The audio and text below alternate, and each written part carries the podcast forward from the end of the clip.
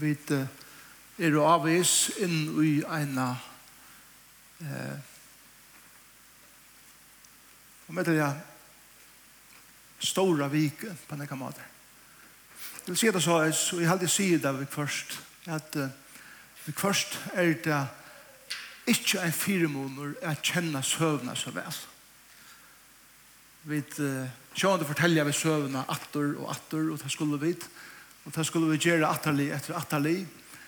Men i halte jeg kunsteren vi søvefortelling er at røyna at trakka på så urtøy som vi halte vi vita om eh, søvene. Og, og røyna at uh, oppleve henne som om vi våre til stier ta og de som så og opplevde det som hendte første fyrst og ikke visste søgjene hva for at henta eh, det han er at han var. Og vi er jo i det og i Palmasunde, og vi vet akkurat hva hendte Palmasunde, og så for Jesus atter til Betania, og så gonger han lykke til Mikadein, atter fram fra Betania til Jerusalem, og han predikar, og han grøyer, og så videre. Og så eh, kom han til høstdagen, som er Skyrus høstdagen, og vi vet at til den dagen tar vi han etter kvöldmåltøyene vi som lærersveinen, og til kvöldet så gengat her åman i Gethsemane hever han handtidgen. Vi vet at frutja dagen vaknar han opp i en fengaselle, og han blir ført framfyr rai, og han blir dømtur, han blir pushkaver, han blir slien, og han ber krossen ut av Golgata, og blir krossfester. Vi vet at rei leir dæver er han dæveren ta i lærer han er bøya og etter tog som han er sagt, og sånn morgen reiser han opp fra henne deg. Og det er en fantastisk sigersløte jeg husker om det. Jeg husker om det, at vi uh, prøver å forstille dere at vi vet ikke av hessen. Og at vi opplever Palma Sonne der, som uh, annars slett ikke var kjent av Arjen hendan dagen. Og og ser dere inn i fer og i skrekkvannar tja gjøtenom, særlig, eh, hentan dagen, hesa tøyina, ta Jesus liver, og så ikke fyrir dere, så ikke fyrir dere at hentan dagen i, i Jerusalem, så, så er Jesus i Betania, han er kommet norrfra, og han er veri i Jericho, henda frutja dagen, fyra Og i Jericho henda frutja dagen, fyra eh, hitti han en mann som er Zacchaeus. Og han får heim til han, og Løyvi til Zacchaeus verir ombrøtt. Og Jesus fer så eh, sikkert eh, åren klokkan 6, frutja kvöld, eh, ta lenga turen fra Jericho som er lagste byer i heimen der, cirka eh, 400 450 meter under eh, eh, Sjekve og gonger allan vegin pluss 800 meter nian til Betania som ligger av Estersøyene av Oljefjallen og Jerusalem ligger så av Vestersøyene av Oljefjallen og her kviler han så frutjakvalde og lykka til til og, og allan den lykka til klokka 6 til at ha sabbat, eller shabbat. Og gjør jødar feras ikke, og tar, tar våre heima og låse ur eh, Torah og skriften der som de låse i gamle som et. Og sånn om morgen kommer, og han gjør så klar, han affære henne turen eh, over til Jerusalem.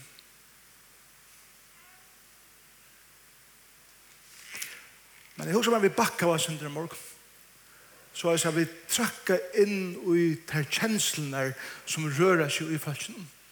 Tog at henda morgenen og til hever kvarje postur. Liga fra tog at Øysers folk kom atur ur Babylon eh, i utløpene. Det var eit postur av Estersøyene og av tempelmuren og som var parser av muren som kjekker rundt om Jerusalem. Og det postur er gilta postur. Det er. Annars vet vi at murar og noen byer var for å verja byen fra fortjenten. Og porstren var atterlaten. Så det er at vakter man helt vakte i porstren. Men hesa vikene kvørst år av eh, påsken stendur gilda poster åpen.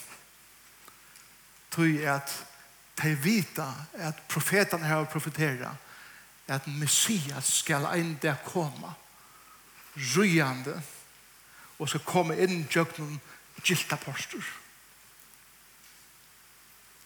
Og de boi av kvart år inntil Messias skulle komme. Jeg ser at de fri fra hervalden som de var under. Da kan vi fære til år 612 fyrir krist. Og utlegden tja Uysas i uh, i Judea til Babylon var i Trimon pørsten. Den første parsten var i år 612 og ta var Daniel profeter tidsen i utleggt til Babylon. Så igjen i 603 kommer Nebuchadnezzar atter og hersteger byen ene fra treet og fører en mer fengar til Babylon. Og så igjen i 600 og tjeje furs, nei, omkylda, 500 tjeje furs, så kommer Nebuchadnezzar av til at han oppreistur her ved motor eh, babylonska eh, valden i Jerusalem. Og Nebuchadnezzar sier nu er nok.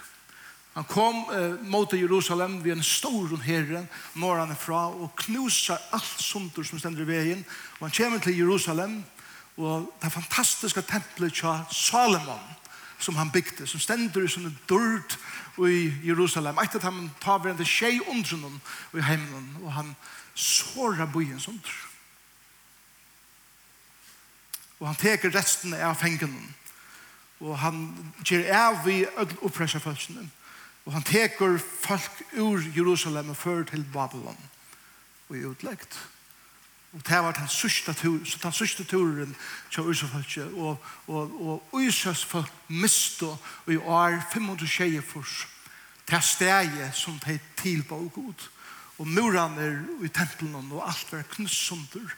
Og Israel som en tjå gavst at eksistere på. Hebraisk døye og i utleggene. Da Jesus folk kom atter ur utleggene i Babylon, snakka det ikke langer hebraist, det tås av arameist, som, som var en, en blanding mellom kaladeist og hebraist, og det fikk navnet eh, arameist. Ikke sted jeg tilby. Det er ikke sitt egnet folk langer.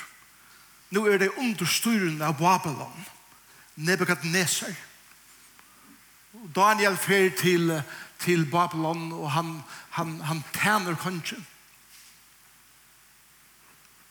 Nebuchadnezzar dør, og konger koma, og Belsasar var en annan konger i babylonska røysen, og Daniel kommer inn i hesa festen til Belsasar heter kvalitet, og tog at ta i Nebuchadnezzar tog Jerusalem, tog han eisen nøkra av uiløtene som var i tempelen, og og tog det til sin god i tempelet i Babylon. Og hetta kvalitet teg Belsasar, teg uiløtene i templet i Jerusalem, inn i sitt ball, at drekke ur, og knapplega så kjenner vi søvne, at han, at han en skrift, at han skriver av vetjen. Og det skiljer ikke hva teksten sier, og Daniel kommer og utlegger teksten og sier, vi er av vektene, og vi er funnen og latter. Samme kvölde. Og hvis det, Babylon var kjent for, for sine eh, vattenkanaler. Der hadde faktisk hengande eh, vattenakvadokk som, som førte vatten ut i alle byen. Der hadde vattensystem, der hadde, hadde kloaksystem, og alle stingene her i Babylon. Og de var kjente for sine vattenkanaler. Tre kvölde, samme kvölde som Daniel utlegger henne, henne skriftene, kommer med til persiske kongeren og teker babylonska rydtje, teker iver. Belsasar vil dripen, og en nødtje kongo kommer til, og en nytt rydtje byrjar, som er den medepersiska rydtje. Den medepersiska rydtje kommer eisen alle veien til Israel, og Israel og resten av tavren til heimen kommer under en annan valdsherre. Så Israels folk, kjalt om de uh, er og heima, Bia til god om stadverka få en lorsnare å komme, at bjerg kom fra fudgjenten som blir via teg kom. Men Kyrus konger som vært han med, med persiske kongeren, er at ambo i Guds hånd ta og i Daniel lese Jeremias profet og utlegge Jeremias fire, Daniel, fire kongen som sier at ha fjers år skulle genga inntil falske for heimater og Kyrus sier det tog jeg senda folk til heimater. Og, da, og Kyris konger sendte Zerubbabel og så sendte han Nehemias, og så sendte han Esra, og at her til Israel atter for at endur reisa murene. Og det var uh, Zerubbabel og Nehemias som gjør det, det vet jeg vet. At Nehemias græt, da han hørte om at murar Israels enn litja og i øye, kjøtt om folk ikke kom i heimater.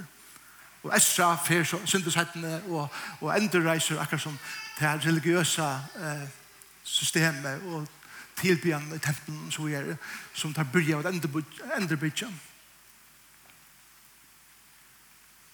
tar bia om at Gud skal komme og senda teimen en kong som skal bjerga dem fra fortsinda eh, jattenhånd. Og i år 333 kommer Alexander den Store Han teker iver persiska, eller med persiska rujtjen, og griska rujtje blir, blir den neste makten. Og Alexander Store, han, han spreier til griska malet om, om, om, om alle tjovene. Grikst og arameist blir malene som var tåsa i Israel. Og det var lykka fram til at Jesu døven var eisne grikst tåsa i, i Israel. Ta Alexander den store døye. Og Alexander tok allan heimen, og 33 år gammal sitter eh, Alexander den Store, einastannar i, i Griska Røysen, og han græter iver at det er ikke meir å teka. Og Alexander dør Og Griska Røysen fer i, i imenska parster. Og Og man kallar det for Slauta rujt, eller Slauta eh, kongavelde, som, som var bytt opp i, i, i fire parstar. Og ein konger kommer til Israel som er griskur, og fra honom, nokre år at nå, kommer ein konger som eitur eh, Antiochus den fjore. Antiochus den fjore er en, en, en herrendur konger, som kommer til Israel, og han sier, jeg vil utrota totalt lovene og profetene. Alle hebraiske skriftene skulle øyeleggjast, de skulle brennast. Og han kommer inn i tempelet, og han ser det i tempelet, og han sier, grysar skulle slaktas i tempelet nå. Heienskaper skal tegas inn i tempelet. Heitner gotar skulle reises i tempelet og tilbeast herbeid. Og det gjør det at, at, at folk sier at hver det ringt åren, så er det verre nå. Det er, det er tøyene mittel Malakias og, og Matteus. Vi kallar det for eh, den intertestamentlige perioden som var i 400 år. Og, og i tøy tøyene var det en familie som sier «Hetta ber ikke til». Og det var Maccabera-familien. Jeg vet ikke kjenne den familien, men Da man kjenner søvnene, så, så var det här en likla familie i Israel. Mattias, eller Matthias, som akkurat kallar han, Maccabeus var en prester som, som var halkar til god. Han ser en annan av sina presten færa og, og, og slakta en grus og offra til en avgod i tempelhöjden. Og Mattias teker kniven fram og han legger av den presten og han dreper prästen for at vann er god. Og der byrja jeg en revolusjon i Israel. Ari er 145 nå, fire krist. Og Judas Maccabeus, som er sånn Mattias, leier hans revolusjonen. Han var kallet for Judas Hammaren, til han var Kruksmauer. kruksmaur. Og han, han viser sin uh, folk kommer inn i tempelet og, og, og fer Antiochus den fjorda, bostor så er. Flere hilder Judas for uh, Messias, men, men det var han ikke. Men de kom inn i tempelet, de enderteka tempelpaddelen, uh, og ta i det kom inn i tempelet, så ikke der er at ljósa stedjen, den tjej arbeid ljósa stedjen, som alltid skulle lysa, til at olja var helt i. Det var olja etter til en dag. Og jødene sier, om ein dag tek, så sløknar ljøsestegjen som alt skal, alt skal loa for herren, det skjer er meg. Det teker opp, det teker skjer det er at gjøre oljene klare til å køre og ljøsestegjen atter. Men det sier, la dere se det eld, eller heva elden lukkavel, og køre det sørste oljene og som er bære til ein dag. Og så ber det til god om at ljøsestegjen ikke skal sløkna. Og ljøsestegjen loar og i åtta dier er tjent. Så det får tog jeg gjøre oljene og kvar noe gjør. Og da de fyrir seg utsel det, så kjenner vi sånn at han tjei arma ja, Josestekan, men vi kjenner eisen at han nutja arma ja, Josestekan, gjør det Og i nekven jødiskon uh, Sion har han nutja arma ja, Josestekan. Og det er fra hesa hendelsen, ta i uh, Judas Maccabeus, uh, reinser tempelet nutja, tog jeg at jeg minnast at, at uh, god løvde ljøsesøkene brenna i tjei dier. Han ene i min er alltid han som representerer Guds ljøs. Og så gjerne hever man hina tjej ut fra søyen baven. Og Jesus kom ofte ned til eh, tempelet at minnast hette her, det var en halgetøy i Israel, for det myntest at tempelet var halka av nudgen til god. Judas Maccabeus døyr, og yngre bætjansere som heter eh, Jonathan,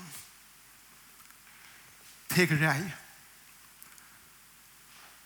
Nå er det kommet til år 133, og romverska valgte byrja nå at teker iver til griska, eller til silotiska eh, kongadømme. Og Jonathan fer til romverjar og sier, jeg vil gjerne djeva til Jerusalem, som gjør det til at romverska rydtje som nå er i vokse, kommer og teker rei i Jerusalem. Og det som hender er til at Jonathan fer politisk valgt, men så er det en enda yngre bætje at det som heter Simon Maccabeus.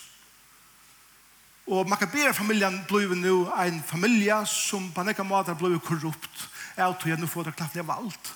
Så Jonathan får politisk valg, og Simon var den første høvespresteren utanfor det levittiska systemet i Israel, som nå er sett som høvesprester i Israel, er til romferska valden.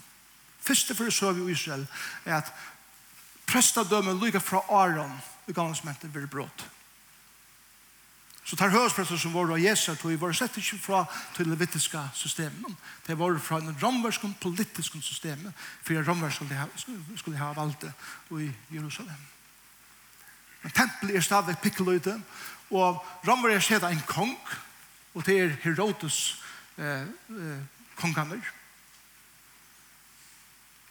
Og i år 25 byrjar Herodes den store, som er en veldig entreprenør og arkitekt og så videre, at endur bytja tempelet som Zerubbabel byrjar at, at endur reisa. Og han gjer dette tempelet til eit eina fra enn eit at han er tjei undrunnen og i heimen.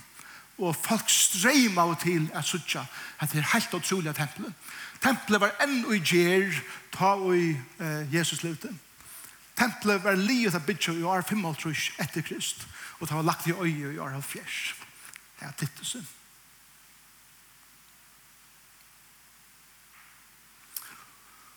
Og Jesus folk bønene og bia god år etter år. God, vil du komme? Vi tog noen kanskje. Vil du sende Messias? Jeg bjerger oppen. Vi da bia oss i en Babylon og Medo Persia og Grikkaland og Seleutus og romerska rujtju, og ånden er kommet enn av bjerga og at endurreisa det som vi bøn og bier de om at endurreisa Israels rujtju. Og henda dagen så stendur gilta postur åpen. Og han hippiare fra Galilea er i Betania. Og vi vet at fra Galilea kom en rikva folk til sammen ved Jesus. Ta videre fra evangelien. Fylte honom til Jerusalem. Til at hei ville til Jesus av vera Messias. Han Messias som hei så han av vera. Han mæveren som skulle bjerga hon fra Rom. Og det fylte vi honom ned til Betania. Og hentan sunne morgenen. Og i morgen. Gjera at hei så klar og sier, hette dæveren, ta og Jesus skal røya inn i Jerusalem. Det var bare en stor trovleik. For jeg hadde hester klarer til han, tog at det var jo det største djore. Og Jesus sier, jeg vil ikke ha en hest. La oss lese teksten. Matteus 21, og lese hva som hender. Matteus 21, vers 1. Nå er vi kommet til han den her personen fra Galilea som er Jesus ur Nazaret. Politiska valde og religiøse valde kjente Jesus vel. Han er veldig marra for det i 3,5 år. Og nå kommer han og skal kalle seg selv han kong og tar snestja og fysa etter henne. Legg meg til hva teksten sier. Ta et her nå norska hos Jerusalem. Kom og tar til Betfage ved oljefjallet. Til en annen, annen liten bygd norra fyra Betania. Og sendte Jesus eh, tvær lærersvenner av sted og sier vi tar færre inn i bygdene som bænt framfor tikkun er. Her skulle tid vi det saman, vi tar det saman som bænt der å komme inn i byen, finna asen, bonde og filtjatøy, løyse teg og leie teg til møyen. Sier onken nega vi tikkun, så skulle det sia at herran tørva teg så skal han vite samme leta till. Dette hände för att det skulle gå ut som taler väl vi profeten som säger och heter Sakarias nutje nutje. Sive døtter Sion. Hick konkur hun kjemur til hun, spek for rujande i asne, og file treldur sinns. Lærersvannar fyllte for så av sted og gjør det som Jesus har sagt vitt her. Han får etter åsen og filen og løtte klær i sin av deg. Og han, altså Jesus, setter seg om han av deg. Og fjølten av folket bredde klær i sin av veien. Under skår og greiner av trøven. Og etter palmatrøven. Og strøttet deg av veien. Folket som gikk undan og at han har røpt deg. Hos i Anna, son Davids, David, sikna vi han som kommer i navnet herrans Hosianna har hatt en, en sitat fra Solmer 118, som var en messiansk Solmer. Ta han og kom inn i Jerusalem, kom røringer og i atlan stegen. Og det sa du, hvor er hesen? Og folk sier, heter Jesus, profeteren ur Nazaret og i Galilea. Så 74 det kunne hende deg, Palma Sonda. Hesen håper en fylgjøs ved Jesus og året spreies uten byen at Messias er kommet og porsi er åpen. Og fire profeter skal gå ut Zacharias, så sier Jesus ferbi om et, om et, om et esel, et ung fil. Til en annan konger, som var en friar konger, hei over, rige inn i Jerusalem, er at teka sina konga kronen, og det var Salomon som var en konger. Og Jesus sier at nå kommer den store frier kongeren, som ikke kommer vi krutje, men som kommer vi, fri, vi, vi frie. Og tar byrja så at og henda søvan vi, vi at, at tar fjær og teka det esle. Det som er hukse kvar jeg fyrir, hvordan blir det til at his mære som åttis i esle bare leter fra stav, vet du?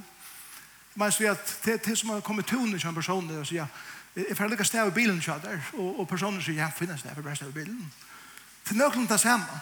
Jesus var noen som var ferdig i stedet, som han arbeidet vi, og så videre. Men det var tog at året hek ikke undan om at, at hette dæveren ta ui han som vi da boi etter skal røye om han i Jerusalem. Og folk hører det, og det flokkast om Jesus. Og han er oppi av oljefjallen. Det som har vært i Israel, det er vite at hvis man skal fære inn i tempelet i det, fra oljefjallen, så skal man fære helt nyer i Kedrondel, og så er det en god tur oppater for jeg kom inn i tempelet. Og Jesu døven var det en brygg som var, da det kom om en halva lei av oljefjallet, så gikk en brygg bænt iver omdelen og beint inn i gilta porster. Og her flokka just folk. Og det får ur kapen og kjassar og løpte deg av veien til at dette var uviring for at kongen som skulle komme. Og Og jeg, jeg minnes da jeg ferie så Israel enn ferie, så, så, så, så spurte jeg guiden Jakob. Og sier vi han, hvordan ble det til at jeg tok palmagreiner? Og han sier at det jeg kan selve palmagreinen og i til israelske mentan. Palmen og i en israelske mentan var ikke en friar planta. Folk som tok palm i hånd, de ville slippe i krutsk. Vi ørner om at de som så når Jesus kommer, Og kommer vi palmagreinen, Hei søtte vi åren åren, Jesus, vi er du klar er færre og krutsk vi der. Nå, et som er området i eisene, er etter. At ta og i Herodes endereiste eh, Serubabel-tempelet, og bygde han den glæselige bygningen, Patleren sjolver i Herodes tempelen er lykka stårer som 24 fobosvettler. Og av Jesu døv. En veldig bygninger som stod av toppen av Morjafjallet i Jerusalem. Men ta i romver her kom, så sa det her, at vi kommer her ved en veldig militantare kraft. Og alle oppreisene som tid har hoa gjerra, vil truste nye av romerske herren.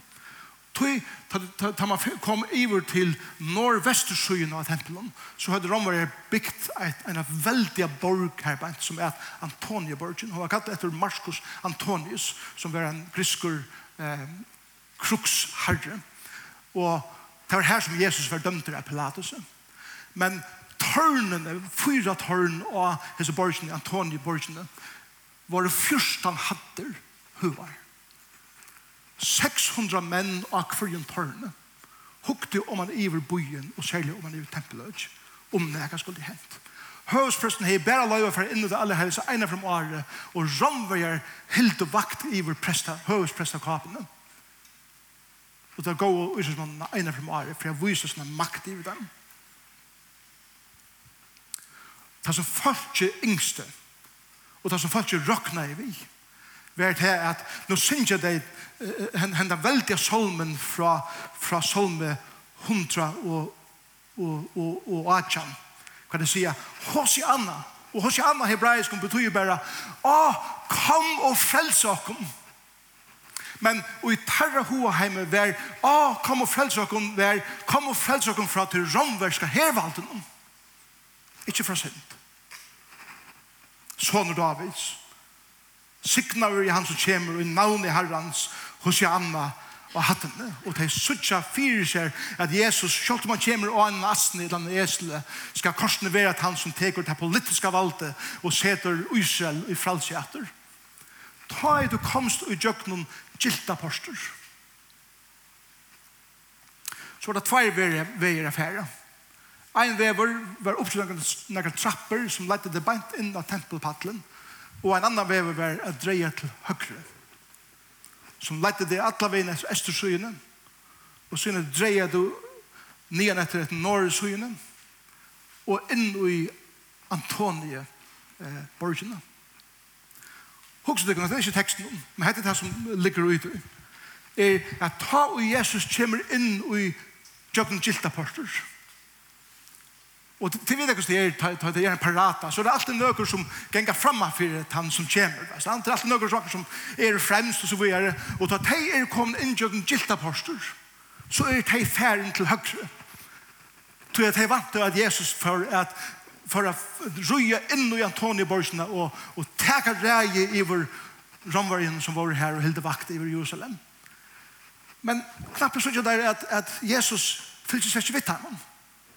Og han får beint fram. Og, og ta, ta, så kommer vi her, så leser vi hva Jesus gjør det. Og dette er surprise-elementet. Dette er dette her iverraser i plotten av søvnene. Dette er det som gjør at alt fettelig gjør som det er det vant av. Så leser vi uh, i, i vers 1, da leser vi vers 1, og vers 1. Faktisk sier, hette Jesus, profeten av Nazaret og Galilea. Og så leser vi Jesus får nå inn i tempelgods og ræk ut atler som selte og kjøpte i tempelen. Bort herra, vi vekste av pening, og stålart herra, vi selte doer, kørte han omkøttel, og han sier vi tar, skriver her, hus mot skal kallas bønhus, faktisk sier Isaias, hus mot skal kallas bønhus, for jeg atler tjover hemsens. Og så siterer han Jeremias, men tid har vi gjørst det til rons rånsmanna bøle.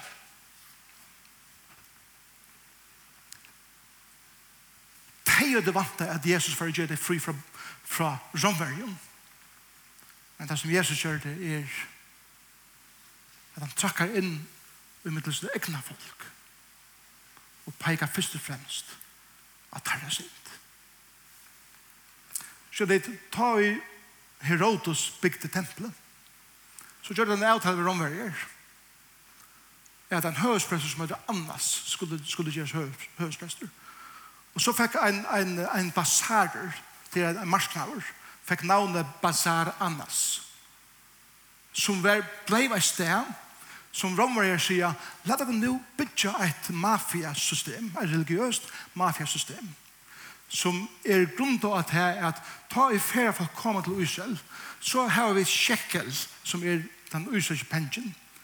Og vi skulle ikke løyve folk som kommer fra øtlen tjoven til Israel at tilbe av påsken.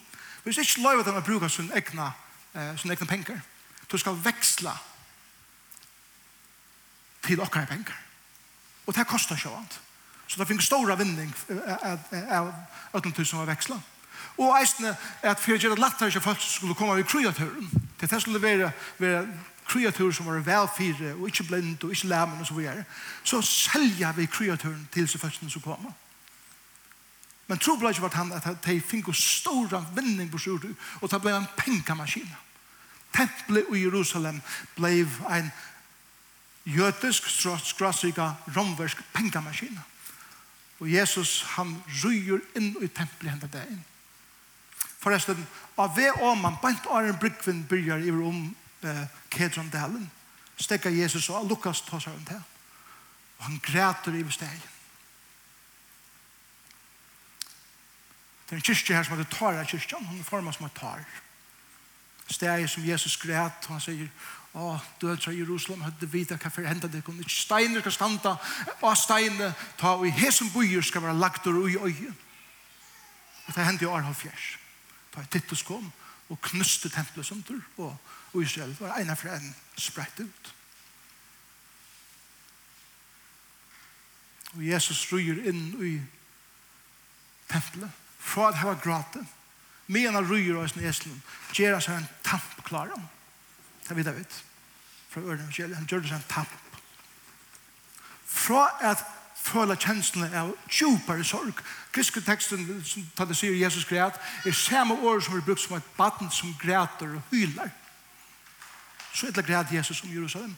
Men nå kommer andre kjensler fram, og til vreie kjenslan. Rattvises vreie.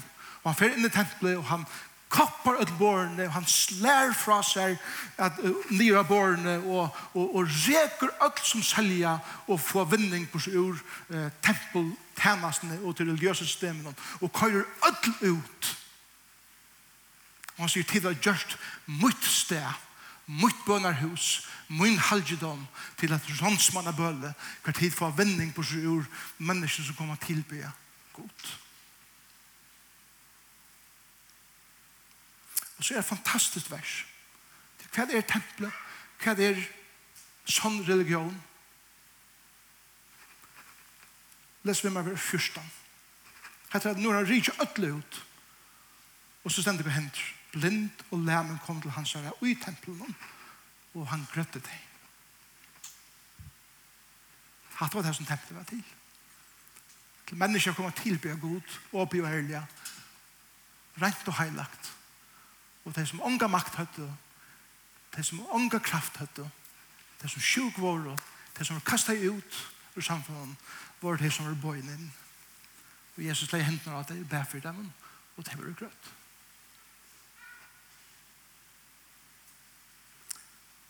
Om Jesus hei kom til følger i det,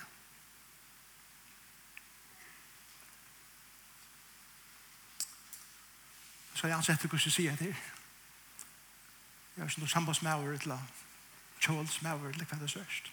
Men hos det kunne vi er under en av korruptare makt som totalt mjölkar okken og øyer okken, pyner okken, krossfester okken, sitter okken fengkhus. Og vi bønner og bya god om å komme og bjerge okken. Og da kan si at det er en veldig borg nere i havnen angstene er hver den makten sitter og styrer ødlom hvis den er jattenhånd. Og vi sier, endelig jeg kommer god av bjergåkken. Og den kommer så ganger han bant ned igjen. Og i havnen kyrkjen. Til vestkyrkjen. Eller Ebenezer. Til City Church. Atlanturen igjen i luftene. Og asene. Og kyrkene her. Alla kyrkjer i havn. Han gjør seg en tampklaran. Og han reker dere ut. Og han sier hva det her er det gjørst for mine sankum. Til det halde hatta politiska makten i en trobeleidje, som jeg skal tega meg av. Peter sier i sin prøven at domer Guds byrja hvis den egna følge fyrst. Fyrst. Og da god kommer å døme synd, byrjar han først for sin egne. Arne er fyr. Og dømer hinn. Hatt er ivrasj i plotten om hese søvn. Endelig er han kommet som skal bjerge oss fra maktene som styrer oss. Men han får etter maktene som er i hjertet. Han kjører en og kvar i nokkere at her har vinning på sju urtøy som vinninger omkant er atler til. Her fer han etter åkken. Og kanskje er det åkker inni her som bønar og byr god om å komme bjerga seg fra åkker som gjer seg inn av okken i det. Han kommer først til tøyen og først til møyen. Og er den affæret til øren. Det er såleis er god. Og såleis er Messias. Messias ta vi han kjenner. Frutja dagen. Hugsa deg om henda bøtjen som vi sunnje, hos i Anna, siknaver han som kjemur i, i, i navn i Herren, son David, hos i Anna, kom og se deg om fru Fem dier settene, frutja det. Faktisk, frutja morgon. Råpar, samme hopen av feltet, Krossfest. Krossfest. Fui. Tog at det som jeg vant det av gode, var ikke det som jeg fikk. Og tog vente meg mot det som jeg vågna, eller hånden som jeg vågna, finnes ikke nekker fra. Men så er det Jesus hei i atla, og god hei i atla, og i sinne fire atlan, og i sinne sjån ångkant i atla i mannattene, er bare komme at endreise noen farfolk er få politisk valgt. Jesus har en nekst større sjån og visjon enn det. Og det er at endreise alle mennesker som er fattende synd og som er etskilt fra gode og har bruk for en frelsere. Så er det Den verlige Messias er ikke en politisk figur. Den verlige Messias er en som spreier ut sin hender og føtter og sier, Det er bare en løsning. Og til det er at jeg gjør meg for tikkun. For jeg veveren kan være åpne av oss. Så så etterkors menneske, lame, sjukt, fortapt og synd, kan komme til møyen og være nåmen av mer og være enterreist. Og alt som stender i veien for tog. Og man kan etter vit, hans er bøten, og jeg akkurat måte livet på som stande veien for tog. Fer han etter. Og er stande først, en gang i køyene, at oppleve hans her tamp i munnen livet. Så Det er stande fire. At de som har brug for frelse, kommer til frelseren. Det er samler kristendom. Og det er det som Porsjenes nikvasjon og som vi trakk inn i hese vikene. Læt dere ikke huske at vi kjenner søvnene så vel. For vi først har prøvd å trakk inn i skrekkvann i timen som opplevde søvnene først og før. Og prøv å oppleve hvordan hentet vi kan for jeg være for dere. Og til verre, vi tar det vana og i år at haft en ordentlig påska oppleving i nødja bygningen. Kvann det er fylgjast vi kan hente. Men det vil ikke gjøre. Om Herren ikke kommer atter og vil leva så vana vi til at vi kunne gjøre det neste år. Og kvann det er i vikene at oppleve søvann som vi ofte har hørt og vil halde som vi kjenner så vel kvars kvöld og jøkken som vikene for at iverrask skokken. Til Jesus iverrask skokken og i öllum tog som hender jøkken påskavikene er hans plotte og i søvende vil totalt iverrask skokken hver jeg fyrt tjokk. Men Herren signa deg nisse vikene. Og man hjelper oss at ikke bare livet seg vikene som om at alt køyre bare fulldrønn, men det vi kallet stittla vika. Og det betyr for eia at vi skulle tega stunder seg vikene og reflektera og lesa og hugsa og bya så så vi kunne få en smakk av hva det er som vi lever og gjør det en frelsere som ikke frelser oss og ser dere fri. Fra noe som nekst større enn politisk makt. Og til synderen er valgt og i okker liv. Og tog synes jeg vid Hosiana kan vi si at god kom og frels okken fra tog som er gypst og i okker sal. Og det er bare en frelser som kan gjøre det.